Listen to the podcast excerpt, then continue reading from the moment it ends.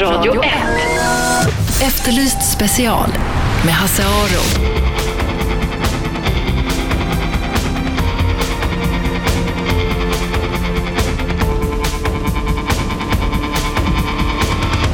Välkomna hit till Efterlyst special idag.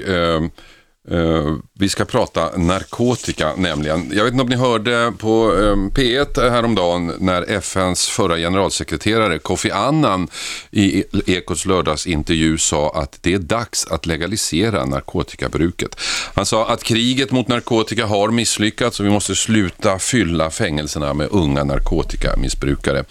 Det är ofta mycket unga människor som fyller fängelserna för narkotikabrott och de kommer ofta ut i mycket värre skick än när de togs in, säger han i en intervju.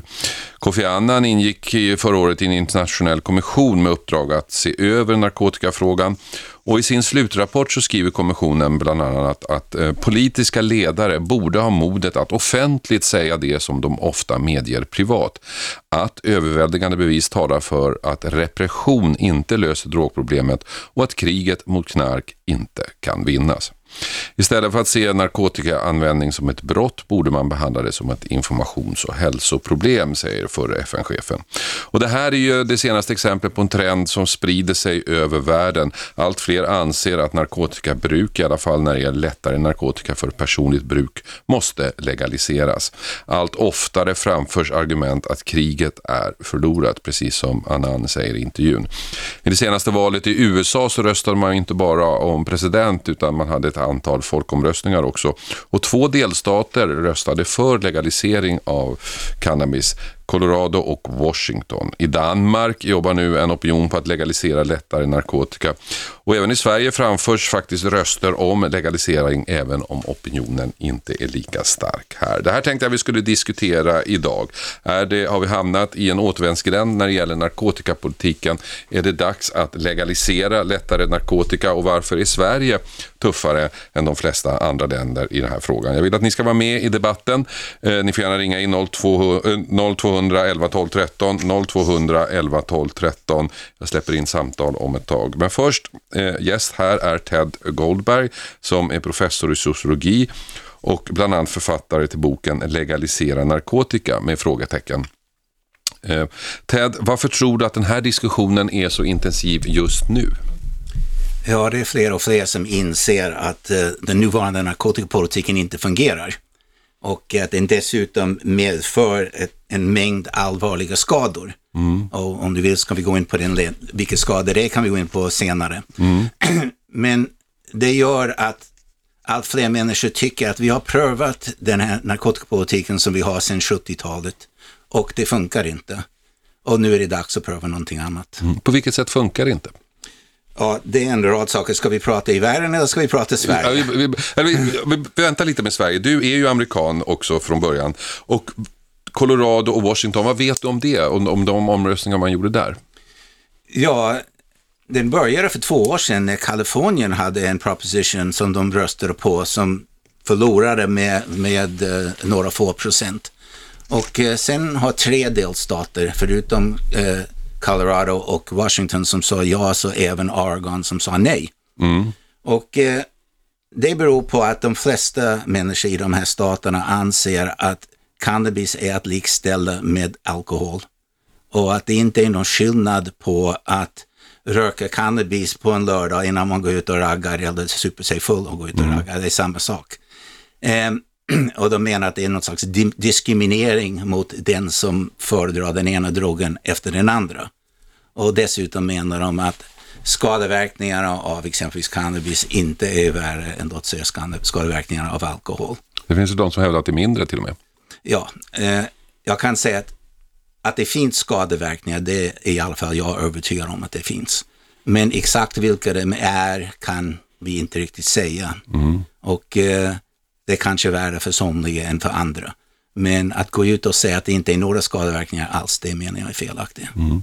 Så vad är det man har röstat för mer exakt i de här delstaterna? Ja, man har röstat för att man inte ska kriminalisera det som så väldigt många människor gör. Eftersom det är så vansinnigt många människor som röker cannabis i alla fall och de är vanliga normala medborgare. Det finns ingen poäng med att de ska eh, vara rädda för att bli arresterade eller faktiskt bli arresterade. USA har den högsta antalet fångar per capita i hela världen och en väldigt stor del av dem är där för, för eh, narkotika. Och de menar, vad, vad, vad vinner vi på det? Vi, Den, en- den enda som vinner på det är den, den fängelseindustriella komplexet som det heter. Eh, men de har alltså röstat för att man ska få röka det här utan några särskilda skäl, utan bara för att man gillar det. Rekreationskonsumtion, ja. Mm. Tidigare så var det tillåtet av medicinska skäl. Ja, och det, det är också lite grann av en skämt. Eh, nu känner jag till Kalifornien bättre än Washington och, Col- och Colorado, men där kan du få medicinsk marijuana för nästan ingenting. Så att eh, det är det är i princip har varit frisläppt länge, så det här ändras inte så mycket. Och du menar att i, i Kalifornien så är det en slags genväg man tar, eller en omväg man tar, och kallar det för medicinskt bruk. För, sk- alltså jag när det gäller droger är verkligen ingen, ingen erfaren person. Vad är det för skillnad på cannabis och marijuana? Eh, marijuana är en sorts cannabis. Cannabis är det latinska namnet för två växter, cannabis indica och cannabis sativa. Det är gamla Linnés system Ja. så att säga. Och beroende på vilken delar av växten man tar så blir det olika droger. Som, så om man tar bladen så blir det, och kvistarna blir det marijuana. Och vad är då hash? Hasch är kådan från samma växt. Okej, och hash anses som tyngre eller? Eh, det finns vissa, vissa kemikalier som fungerar psy- psykedeliskt så att säga och det, det kallas för THC, det är två olika THC-varianter. Och eh, ja, det beror på hur stor procent av det, det som finns, eh, hur stark den är. Och det finns marijuanasorter som har mer THC än vissa haschsorter, men oftast är det tvärtom. Jag själv har rökt, eh, jag vet inte riktigt vad det är rökt, men någonting av det här vi pratar om i alla fall. Tre gånger i mitt liv på 80-talet eh, eh, och det var i USA alla gångerna. Eh, effekten blev faktiskt första och andra gången ingenting, tredje gången tänkte jag nu jävlar och så somnade jag. Så att jag vet inte, jag, jag, har, jag har inte riktigt förstått grejen. Ja, för det första är det så att de allra flesta inte känner någonting de första gångerna de röker. Så det är, en- Det är normalt. ja, för, dels för att man inte vet hur man röker och dels också att ehm, det är lite subtilt det man känner och man kan tränga tillbaks den. Och det är förmodligen det som, som du gjorde. Och sen vissa människor, precis samma sätt som för alkohol, vissa människor dricker alkohol och blir väldigt trötta och till och med somnar. Och vissa människor reagerar så på cannabis också. Men det finns andra människor som reagerar precis tvärtom. Det jag, det jag lärde mig då, och som jag fått bekräftat eh, flera gånger när jag varit i USA, är att det är ju väldigt vanligt, i alla fall i storstäderna, oerhört vanligt. Och som ett exempel på det, vår värdinna delade en joint med en taxichaffis när vi åkte i taxibilen. Så att i USA verkar det finnas ett, ett bland människor i allmänhet ett accepterande som inte finns här. Ja, det stämmer. Men eh, det där med att köra bil under påverkan, jag tror inte särskilt många accepterar det. Nej. Men varför då, varför är diskussionen i Sverige, tror du, så, så mer rigid än i många andra länder? Ja, det blir en lång historia om jag ska Ja, förklara det. du har men- tid. Ja, Det är fördelen med det här programmet. Då, då börjar vi med Sveriges förhållande till alkohol. Mm. Eh, jag som utlänning här har, jag blev alldeles chockerad när jag kom till Sverige. Jag, blev, jag var student i Uppsala, gick på fester på nationen och såg hur människor uppförde sig på alkohol. Jag trodde inte det var sant. Och eh, vad jag vill säga är att jag, jag tror att varje land behöver ett utrymme där man kan släppa kontrollen. Sverige är ett land där man måste ha kontroll över sig själv. Det är en del av den svenska kulturen. Men det är nästan för mycket begärt att folk alltid ska vara i kontroll. Och då skapar man lite frizoner om jag ska kalla det så, eller det som jag brukar kalla för time-out. Och då tar man time-out från de normala reglerna. Och alkohol används i Sverige för time-out-beteende. Nu helt plötsligt tillåts vissa saker som inte tillåts annars. Men som en bieffekt av detta så har Sverige definierat alkohol att det är drogen som styr den, det är inte du som styr dig själv. Och därmed blir droger en, ett hot mot hela det svenska samhällssystemet. Det vill säga systemet är byggt på att folk har kontroll, droger tar bort människors kontroll, alltså är droger ett hot. Och eh, nu har man överfört denna tanke från alkohol till alla droger i princip. Och men utnämnt det som vi kallar för narkotika som ännu värre än alkohol. Och som sådant så möts den av en känslomässig reaktion att hela samhället är hotat. Medan i andra länder där man har andra definitioner, då blir det inte så. Så att, eh, ja, jag vill sätta den svenska ryggmärgsreaktionen emot alla droger i samband med svenska definitioner kring alkohol. Mm. Men den svenska attityden har ju hårdnat. Så vi hade ju en mer liberal attityd i början av 70-talet mot droger. Man fick, man fick använda det för personligt bruk i alla fall, lätta droger. Ja, man togs lite grann på sängen här i Sverige och det var en debatt i slutet på 60-talet. Eh, men till slut så mynnar det ut i den här, i den här linjen som vi har nu. Och eh, i mångt och mycket så togs det efter det som var den officiella linjen i USA, alltså prohibition eller nolltolerans. Mm. Eh, däremot på mer folklig nivå i USA har man aldrig accepterat den modellen på samma sätt som man nu gör i Sverige. Mm. Och om vi ska gå tillbaka till de här omröstningarna i, i, uh, i um, Washington och Colorado, vi vet faktiskt inte vad som blir av dem, därför att det är fortfarande så att den federala regeringen är emot detta. Mm. Och dessutom har, Sverige, har USA skrivit under FNs konventioner. Så det ska bli ganska intressant att se vad som händer här framöver. Hur kommer den federala regeringen att reagera mot de här delstatsomröstningarna? Eh, Jag antar att det kan bli en diskussion om vem, var går gränsen för ansvarsområde respektive från stat till federalt? Ja, men det är alltid en sån diskussion i USA. States rights är så att mm. säga en, huvud, en, en huvudmotsättning. Den, den som följde presidentvalet är alltid en diskussion kring hur mycket ska man bestämma på delstatsnivån mm. och de som är emot vad de kallar för big government, alltså en stor stark regering. Ni lyssnar på Efterlyst special. Den ni har pratat är Ted Goldberg, professor i sociologi. Vi diskuterar narkotika. Eh, Ted har skrivit en bok som heter Legalisera narkotika? frågetecken. Eh, Kofi Annan eh, sa det han har sagt tidigare i och för sig, men han sa det i Ekots lördagsintervju att han tycker att det är dags att legalisera narkotikabruket. Han menar att kriget mot narkotika har misslyckats och vi måste sluta fylla fängelserna med unga narkotikamissbrukare. Och det här är ju en en trend eller en åsikt som förs fram allt oftare internationellt. I det senaste valet i USA när man valde president så hade man också ett antal folkomröstningar på olika ställen.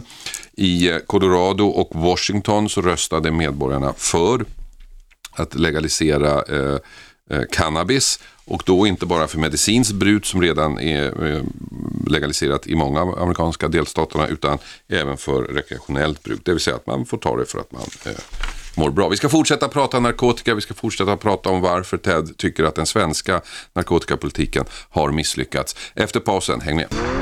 Radio 1. Efterlyst special med Hasse Aro.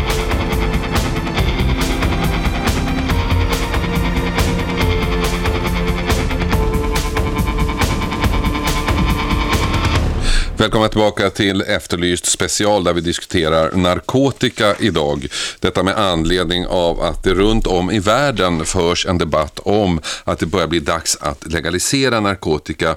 Och det tyngsta argumentet som framförs just nu är att kriget är förlorat. Det kostar betydligt mer än vad vi tjänar på det. Eh, allt större del av våra fängelser fylls av människor, unga människor som inte gjort något annat än brukat narkotika för egen skull. Och eh, i lördagsintervjun i Ekot så sa ju Kofi Annan Eh, bland annat att han tycker det är dags att legalisera. Han var med i en, i en internationell kommission som hade uppdrag att se över narkotikafrågan. Och den kommissionen skriver i sin eh, slutrapport bland annat att politiska ledare borde ha modet att offentligt säga det som de ofta medger privat. Nämligen att överväldigande bevis talar för att repression inte löser drogproblemet och att kriget mot knark inte kan vinnas. Ted Goldberg, professor i sociologi, är gäst här hos mig idag. Han har skrivit boken, bland annat har han skrivit boken Legalisera narkotika med frågetecken. Och Ted, eh, var, vi var inne på det för, före pausen. Varför tycker du att narkotikapolitiken har misslyckats? På vilket sätt har den misslyckats? Ja, det är på en rad olika områden. Jag försöker bita av dem en och en. Vi börjar med rekrytering. Poängen med den svenska narkotikapolitiken är ju att minimera rekrytering till konsumtion. Mm. Så hur har vi lyckats med det? Ja, för det första kan vi säga att en av, av sex 18-åringar i Sverige har erfarenhet av narkotika. Om vi tittar i åldersgruppen 15 till 64, det vill säga i princip den arbetsföra befolkningen, så ligger vi över det europeiska genomsnittet. Mm -hmm. Cirka en miljon människor i Sverige har brutit mot narkotikastrafflagen, alltså en miljon. Och eh, andelen, andelen problematiska konsumenter, alltså tunga missbrukare, ligger i Sverige på samma nivå som den liberala Nederländerna. Ungefär mm. fyra, eh, fyra per tusen i befolkningen. Så vi har inte alls lyckats eh, hindra nyrekrytering, inte bättre än någon annan. Vad det gäller tillgång, som är mitt nästa ämne, mm. så har vi inte lyckats bättre där heller. Ja, att reducera tillgången alltså? Ja, det är mm. tvärtom. Den, den bara ökar. Eh, enligt CAN, Centralförbundet för alkohol och narkotikaupplysning, så är det drygt hälften av 16 till 24-åringar i Sverige som uppger att det är lätt att få tag på narkotika i deras närområde. Det är mer än hälften. Mm. Eh, tillgång på cannabis, amfetamin, kokain har ökat stadigt sedan 1980-talet. Narkotikapriserna har gått ner högst väsentligt sedan 1988. De drogerna som säljs nu har en högre renlighet än vad de hade då. Då det är mer lönsamt att, eller det är lättare att smuggla starkare droger än svaga, för att man, bör, man behöver inte smuggla så stora mängder. Mm. Då blir det att utbudet på vår, vår marknad är att istället för att vi har opium så har vi heroin. Istället för kokablad har vi kokain. Eh, istället för marijuana har vi hash. Så vi uppmuntrar starkare varianter. Droger finns att köpa även i mindre svenska tätorter nu för tiden.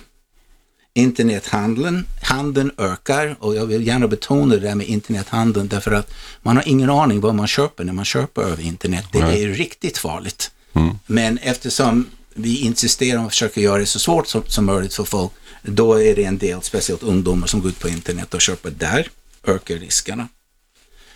Min, som en, så att säga, en stor bild av alltihopa, vi har inte och inte heller kan skaffa oss kontroll över någon del av till, tillgångskedjan. Och med tillgångskedjan menar jag först produktion. Eh, världen har försökt komma underfund med hur vi ska få minska produktion i världen. Men varje gång man slår ner på ett område så poppar det upp på ett annat område. Så exempelvis när vi lyckas få den gyllene triangeln att sluta producera så, producera så mycket opium, ja, de flyttade den till Afghanistan. Mm. När talibanerna i Afghanistan sa ingen mer, då flyttade den till Pakistan. När talibanerna sa okej, okay, ni får producera, flyttade den tillbaks igen. Alltså, så det går inte. Vad det gäller smuggling så det är för mycket ekonom ekonomiska anledningar för varför folk skulle smuggla. Det är för många fattiga människor som skulle göra vad som helst för att få en inkomst. Mm. Och om man ser till smugglingsmetoderna som används, det går inte att stoppa dem. Jag tar bara ett exempel mm. för att belysa detta. Mm. Man seglar upp med ett fartyg och precis utanför den svenska kusten någonstans på något grunt vatten. Först packar man narkotikan i vattentäta förpackningar och så dumpar man den överbord på ett grunt område. Skriver upp exakt var den är Sverige som ni vet har väldigt många fritidsbåtar. Det är någon som seglar ut med en fritidsbåt och en snor snorkel och en GPS, dyker ner, hämtar upp den och seglar in i någon liten småbåtshamn och då är knarket i land. Mm. Och hur ska, hur ska vi, Sveriges kust är 290 mil lång, hur ska vi kunna skydda det? Och sen vad det gäller langning så kan vi säga att sen 1980 har vi ökat antalet polisresurser mot langning med 450 procent. 450 procent. Ändå är det så att tillgängligheten har ökat under hela perioden. Och jag, kan, jag ska verkligen säga det på ett tufft sätt, vi kan inte ens hålla våra fängelser narkotikafria. Hur ska vi hålla hela landet narkotikafritt? Så hur vi än gör så kommer narkotika att finnas i landet och det är lika bra vi accepterar det. Mm. Okej, en tredje skäl till varför folk vill ändra lagen är dödsfallen. Eh, 2010 var det 420 narkotikarelaterade dödsfall i Sverige. Det ligger över 400 varje år nu för tiden. Eh, det är fem gånger högre än de som dog genom mord och dråp i Sverige. Och det är nästan lika många som dog i trafiken. Bara för att ge ett exempel på hur högt den här siffran är.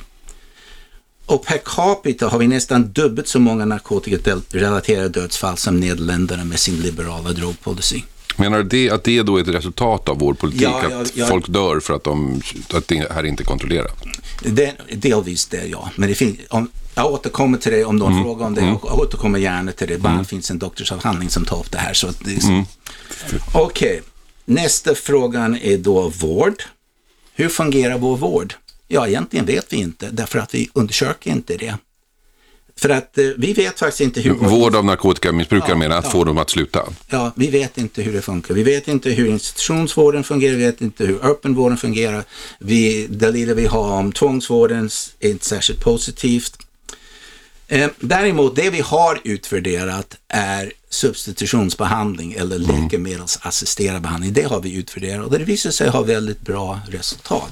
Men det finns en oerhört ideologiskt motstånd mot det för att de menar att man byter bara en sorts narkotika mot en annan. Men jag säger att man byter ett ovärdigt liv mot ett värdigt liv och det kanske är värt någonting. Men ändå ser vi just nu är det nästan som en kampanj inom Sveriges Television emot substitutionsbehandling som försiggår. Vi ska fortsätta eh, diskutera Ted, eh, men vi måste ha reklam också. Någon måste betala för vår diskussion. Eh, ni lyssnar alltså på Efterlyst special. Vi diskuterar argumenten för legalisering av narkotika. Detta med anledning ja, av debatten som pågår runt om i världen och vi hörde Kofi Annan prata om detta i radio i helgen. I Amerika, två delstater röstade för legalisering av cannabis cannabis i, i valet som hölls nu för, förra veckan. Det är ett intressant ämne. Vi fortsätter prata efter pausen. Radio 1. Efterlyst special med Hasse Aro.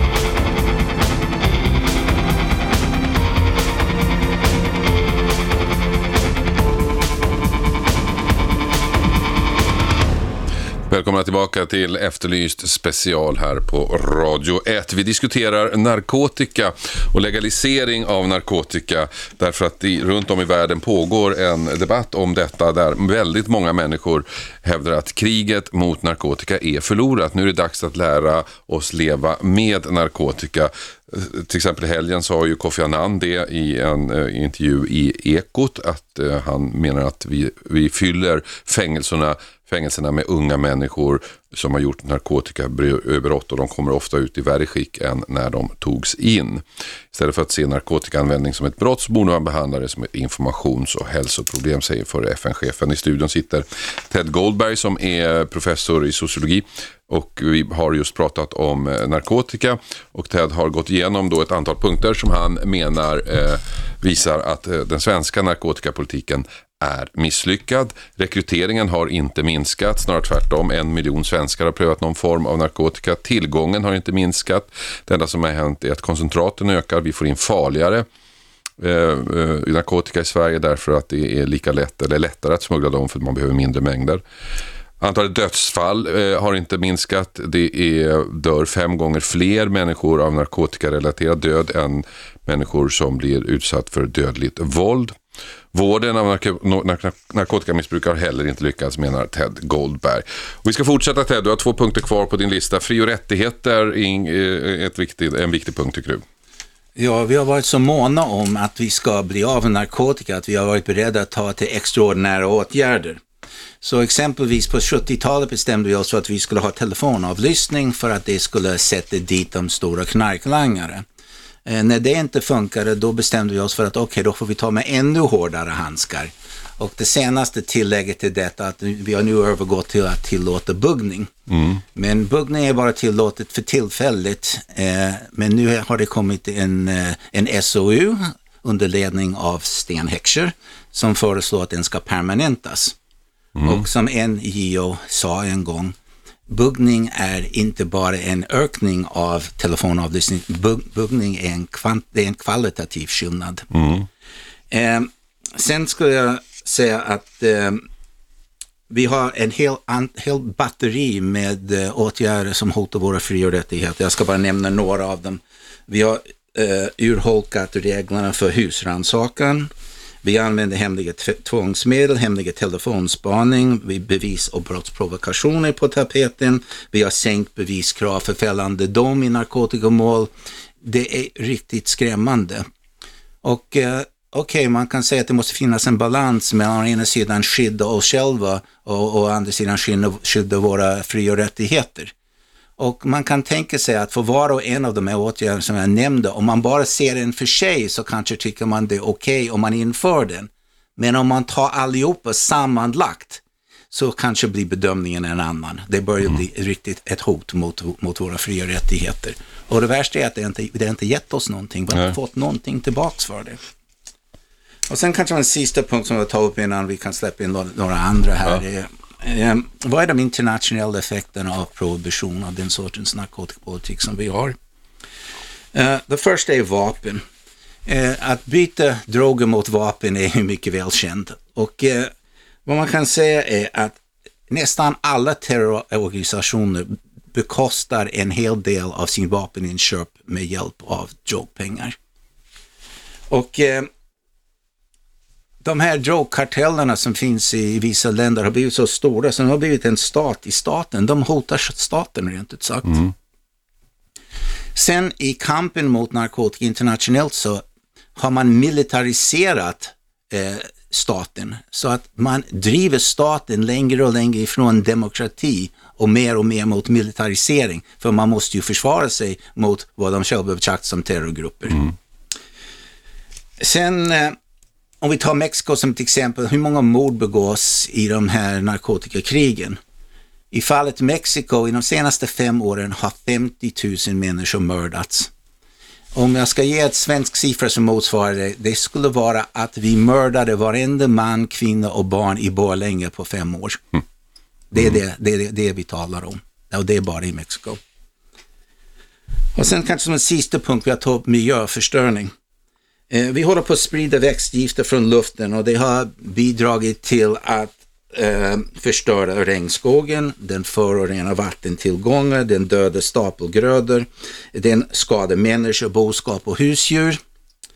Och de överblivna giftiga kemikalierna och restprodukter från, från produktionen av illegala narkotika, de dumpas i naturen. Så i delar av landet och speciellt om man nu tittar på Amazonas, eh, det är själva lungan för hela världen där mm. syrgasen produceras. Vi håller på att förstöra den som en del av vår, vår kamp mot narkotika. Mm. Så man vill säga att av alla dessa skäl ska vi se hur många nackdelar som finns med den narkotikapolitik vi har. När jag väl har sagt det så vill jag inte säga att det inte finns nackdelar med en annan politik, mm. exempelvis legalisering. För legalisering har också en rad nackdelar. Och det är det som är min poäng. Det finns ingen narkotikapolitik som inte har nackdelar, åtminstone mm. för somliga. Så vad vi behöver just nu i Sverige är inte att klamra oss fast i den gamla modellen och inte heller driva fram en ny modell och säga här är den enda saliggörande, utan vi behöver en saklig diskussion där vi, där vi diskuterar alla möjliga aspekter utifrån vem vinner och vem förlorar vad på mm. det ena eller den andra. Ni lyssnar på eh, Efterlyst special. Ted Goldberg, professor i sociologi, berättar om eh, varför han tycker att narkotikapolitiken har misslyckats i Sverige. Det här är Radio 1. Här eh, bryr vi oss inte om att vara balanserade, utan balansen får ni som lyssnar stå för. Men innan vi släpper in lyssnare skulle jag vilja höra med dig Ted. Om du då fick ett inflytande, hur skulle den svenska narkotikapolitiken kunna se ut? Då? Ja, jag skulle inte vilja måla upp en hel politik. Vad jag vill säga först och främst att vi ska göra är att jag vill att regeringen ska tillsätta en ny narkotikakommission. Och den kommissionen ska bestå av vetenskapsmän.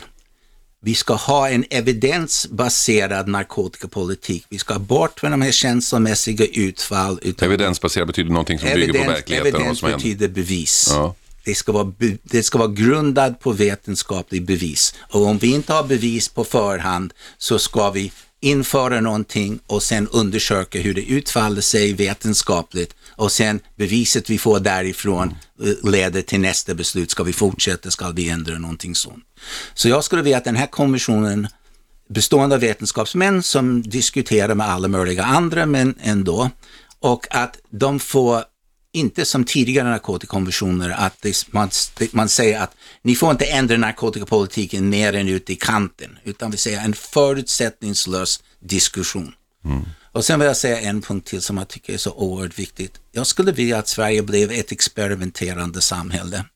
Och vad jag menar med ett experimenterande samhälle är istället för att säga att vi har lösningen på förhand, för det har vi inte. Det är ingen som vet vad vi ska göra att vi inför åtgärder som ett experiment. Mm. Och sen undersöker vi vad som händer. Och vi gör inte det till någon slags stolthetsgrej att jag måste ha rätt, utan vi säger att det här är ett experiment. Och vi har gjort så faktiskt med alkoholpolitiken. Och eh, jag vet inte, har vi tid för mig att ta några exempel? Ja, visst, visst, visst. Ja, vi, tar, vi gjorde ett experiment med mellanöl på 60, mm. 60 och 70-talet. Och vi trodde att genom att införa mellanöl i snabbköpen att vi skulle minska den totala mängden som folk drack. Och sen utvärderade vi det där och så visade det sig att det var fel. Det folk drack mer. Mm. Så då drog vi tillbaks det där och nu finns det inget mellanöl. Ett annat exempel är att vår lördagsöppet på Systembolaget, man införde det från början i sex, i sex län för att se vad som hände. Och så följde man väldigt noga utvecklingen i de sex länen och även i de övriga länderna och så fann man att eh, skillnaden var inte så stor. Så det var värt att fortsätta ha stängt och nu har vi lördagsöppet i hela landet. Men det är det jag menar, man, man gör ett experiment, man undersöker vad som händer och sen fattar man nästa mm. beslut. Och det är så jag skulle vilja att vi gjorde med narkotikapolitiken.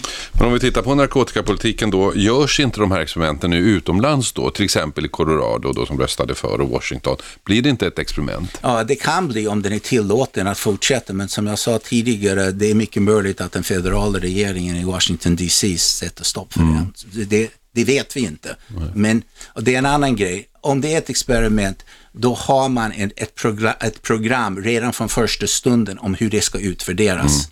Och det tvivlar jag på att det finns i, i delstaten Washington och i, i Colorado. Så jag vill om Sverige beslutar sig för att göra ett experiment, samtidigt med det så ser man till att det finns ekonomi och dessutom ett program för utvärdering.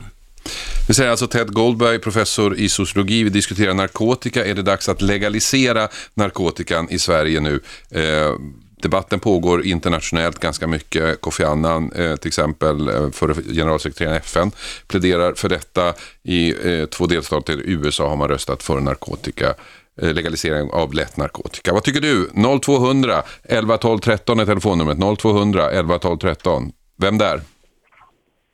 Hallå? Ja, hallå? Ja, vem där? Jag heter Marja Näsman heter jag. Jag ja. jobbar på en behandlingsanstalt i Bra. Stockholm. Mm, vad tycker du? Ja, nu har han pratat så länge ja. så att nu kunna prata lika länge om vad jag tycker. Ja. Men det är några saker som man säger som ju stämmer. Till exempel att THC eller marijuana cannabis är psykedeliskt, sa han. Mm. Och det är inte alla som vet det, men många ser ju det som en lättare drog. För mm. att många använder det. Men det är ju samma grupp som LSD och ecstasy egentligen. Sen har man delat upp det där, för när man frågar folk vad de använder så tycker man att det är stor skillnad på att använda cannabis jämfört med mm. LSD. Men folk tar, alltså folk får ju för sig ibland att de kan flyga. Alltså man kan dö av att röka det mm. för att man hoppar till exempel. Men du, om, du, om du tittar på själva huvudargumenten från Ted här då. Jag menar, det finns ju, det finns ju nackdelar med narkotika och det, som det finns med sprit. Sprit är tillåtet. Men alla de här, menar du, all, all, den här kostnaden, är den värd det? Tycker du att det är lyckat? Kostnaden på att bura in folk? Ja, till exempel. Och allt annat som, som, som det för med sig, de här kostnaderna. Eh, att, ja, att bekämpa narkotika. Det var lite svårt att förstå om han ville legalisera alla droger eller om det var just marijuana och hash han ville legalisera. Vi frågar Ted. Ja, jag är för att vi experimenterar och eftersom Sverige är ett försiktigt land så misstänker jag att vi börjar med en enda drog och jag misstänker att den drogen kommer att bli cannabis om vi någon mm. gång börjar experimentera. Mm. Det är det man diskuterar ofta internationellt också, lätta droger, cannabis. Mm. mm. Ja, och det är ju jätteintressant att diskutera det. Nu har ju kriminalvården gjort en stor undersökning hur man ska göra med korttider. För han har ju en poäng i att om man burar in folk så blir de ju inte kanske drogfria av det. Eh, och att folk som får under ett års fängelse ska kunna avtjäna det med fotboja till exempel. Mm. Att det alltid ska vara villkorligt. Och det är ju ett sätt att angripa problemet på. Eh, men däremot att göra det lagligt Nej, jag tycker nog inte att det ska vara lagligt därför att om man kan förstå hur hjärnan fungerar och hur det här påverkar individen och nu pratar ju han bara om hur det här påverkar samhället. Ja, det, det är lite den vinkeln med våldet. Ja. ja, om man tänker på hur det påverkar individen så mm. Brukar individen inte tycka att det här gör så mycket för dem. Eh, man blir lite mysig, man blir lugn. Man brukar jämföra med alkohol, att man blir i alla fall inte aggressiv. Men det här påverkar ju intelligensen hos folk på ett helt annat sätt än vad till exempel alkohol gör. Du, Maja, här... mm. Tyvärr, tiden är ute. Jag måste släppa in lite reklam. Nej, jag måste bara säga, men, en, kan, säga en sak till. Men kan du hänga kvar så får du säga det efter reklamen? Ja, ja gärna. Häng kvar. Radio 1. Efterlyst special med Hasse Aro.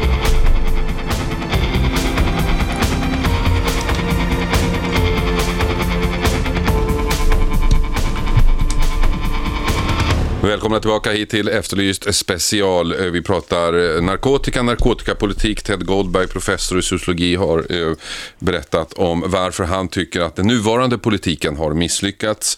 Marja lingde in som jobbar på behandlingshem och hade synpunkter. Marja, fortsätt. Ja, jag jobbar faktiskt på en behandlingsanstalt. Ja, förlåt. Men eh, hur som helst.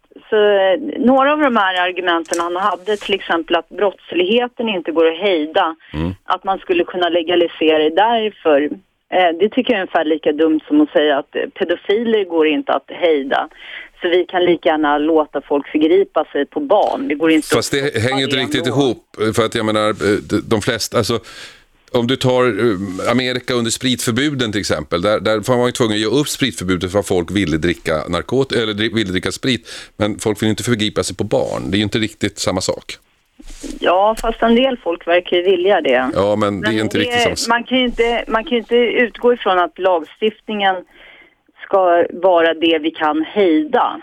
Utan den ska ju vara Nej, men ibland kan man... Moraliskt sett ja, men om, individen. Men om, om, väldigt många människor har en annan rättsuppfattning än lagstiftaren, då, då kanske lagstiftaren är illa ute. Förstår du? Om väldigt många människor tycker att det här är okej. Okay. Mm. Och mm. då är frågan om ifall väldigt många tycker det. Det är en jätteintressant ja. fråga faktiskt. Men det här med att man ska experimentera. Vi har ju faktiskt gjort det i Sverige. Vi provade ju nu minns jag inte vilket uh, årtionde det var på, men vi provade ju substitutionsbehandling, att man fritt kunde gå och hämta heroinpreparat, uh, metadon tror jag det var då, uh, och det skulle vara bättre, för man fick ett värdigare liv. Och det slutade med att 16-åringar dog av metadonöverdoser som aldrig ens hade provat heroin. Så att han har ju helt rätt att tillgång ger högre konsumtion och mm. ifall vi ökar tillgången då kommer konsumtionen öka. Det... Du, eh, vi måste låta Ted få svara på det här Ted. Eh, det här med substitutionsbehandling, ger det mer Ja, det där var inte substitutionsbehandling. Det, det, det liberala experimentet det var på 60-talet och det var en oerhört illa skött verksamhet. Så jag tror inte man kan ta det som ett exempel Nej. på någonting i princip. Vi tackar Maja där. Har du några synpunkter på narkotikapolitiken? Är det dags att legalisera i alla fall lättare droger? 0200 11 12 13 0200 11 12 13. Det pågår ju en debatt runt om i världen just nu om, eh, om vi har förlorat kriget mot narkotika eller inte. Hallå, vem där? Hejsan, Danne heter jag. Hej Danne. Hejsan, hejsan. Jag tycker det är jäkligt intressant att ni tar upp det här ämnet. Jag har velat det väldigt länge nu. Ja. Och det är jätte att du har sakkunnig person där inne också. Ja, vad tycker du då? Eh, Jag tycker absolut att man måste göra någonting åt det här för att ja, där jag kommer ifrån där har de ju liksom plockat nioåringar med cannabis på sig nu. Mm. Och jag, jag, kan säga att jag är för cannabis, absolut. Jag har hållit på med det under många år nu men eh, jag tycker det är vansinne att slänga brukare i fängelse när de istället behöver vård eller ja, ingenting egentligen. Mm. Jag tycker inte det är något fel. Man, Va, varför man... tror du att den svenska hållningen då är mer rigid än så? Vad sa du för någonting? Varför tror du att den svenska hållningen är som den är? Att det är så i Sverige? Alltså, från början så bygger det på felaktig fakta. När jag gick i skolan så, så fick man ju höra att börja med en joint och sluta med heroin. Mm. Och, och så, så är det ju faktiskt inte. Nej. Och sen är det där, det, det är en jävla myt att man, att man hoppar från hus och sånt där när man röker på. Det stämmer ju inte alls. Jag vet inte var hon har fått det ifrån. Ja, som sagt, jag är, jag är novis på området så jag vet inte.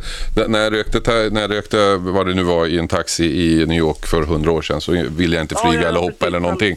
Men Ted, eh, vad säger du om det? Effekterna, är de överdrivna? Ja, det är de. Eh, det där med att jag, att jag sa att cannabis kan ha en psykedelisk effekt, det beror på om du tar väldigt stora mängder. Men normalt sett när folk röker så har det inte en psykedelisk effekt. Så det, det är den första. Och cannabis som inkörsportsdrog, det, är, det finns inget som stödjer det. För det är ett argument man hör väldigt ofta. Ja. Att det här är, jag pratade med Eva här tidigare, hon berättade om en mördare hon känner till. Han började med narkotika. Mm. Jag tror han började jo, med, jag tror han började med man... bröstmjölk, ska jag säga. Men, men... Ja, precis. Men alltså, när, man, när man röker på så det första du tänker på är inte att trycka en spruta upp i armen. Utan det är snarare var du kan köpa chips någonstans. Eller mm. vilken skön soffa. Liksom. Det, mm. det, har ingenting, det har ingenting med verkligheten att göra. Det är alla motståndare som säger så. Det är ingen av dem som brukar som tycker det i alla fall.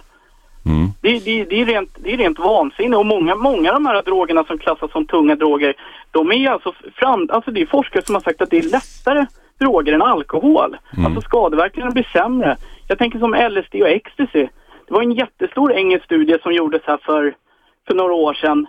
Eh, under, jag tror det var under fyra år, det, det har säkert du koll på. Ja, det är eh, David Nutt. Ja, precis. Och eh, de kom ju fram till att i rimlighetens namn, vi borde ju legalisera cannabis. Och vad hände med dem? De fick ju sparken hela bunten. Danne, det får bli slutordet för debatten. Tack för att du ringde. Tack så jättemycket. Ja. Tack. Uh, Ted Goldberg. Kan jag bara säga ja, en liten snabb. Det där, det där inkörsportsidén. Jag har kollat siffrorna och av alla människor som har prövat narkotika det är bara 4 i Sverige alltså, det är bara mm. 4 procent som någonsin har varit beroende. För det, om du, du, säger att, du sa tidigare att en miljon människor ja. har eh, testat narkotika. Ja. Det är klart att eh, då, då, om man ska ta de som har begått grövre brott, det är klart man kan hitta ett samband mellan, eh, utan att det egentligen finns. Som du sa, de kan, de kan ha druckit bröstmjölk också. Det är inte mm. säkert att, att sambandet finns även om, om, om likheterna finns. Ja, eh, om det var så, så av de här miljoner människor, en miljon människor borde betydligt fler ha blivit beroende om det var en sån överhängande mm. fara. Men 96 procent av de som har prövat cannabis har inte blivit beroende av någonting. Tack så mycket Ted Goldberg, professor i sociologi. Vi har diskuterat eh, legalisering av narkotika. Oerhört disk eh, intressant diskussion tycker jag som pågår med större kraft ute i världen än här i Sverige. Efterlyst special är slut. Om en stund kommer Cissi Wallin. 101,9 Radio 1 Sveriges nya pratradio.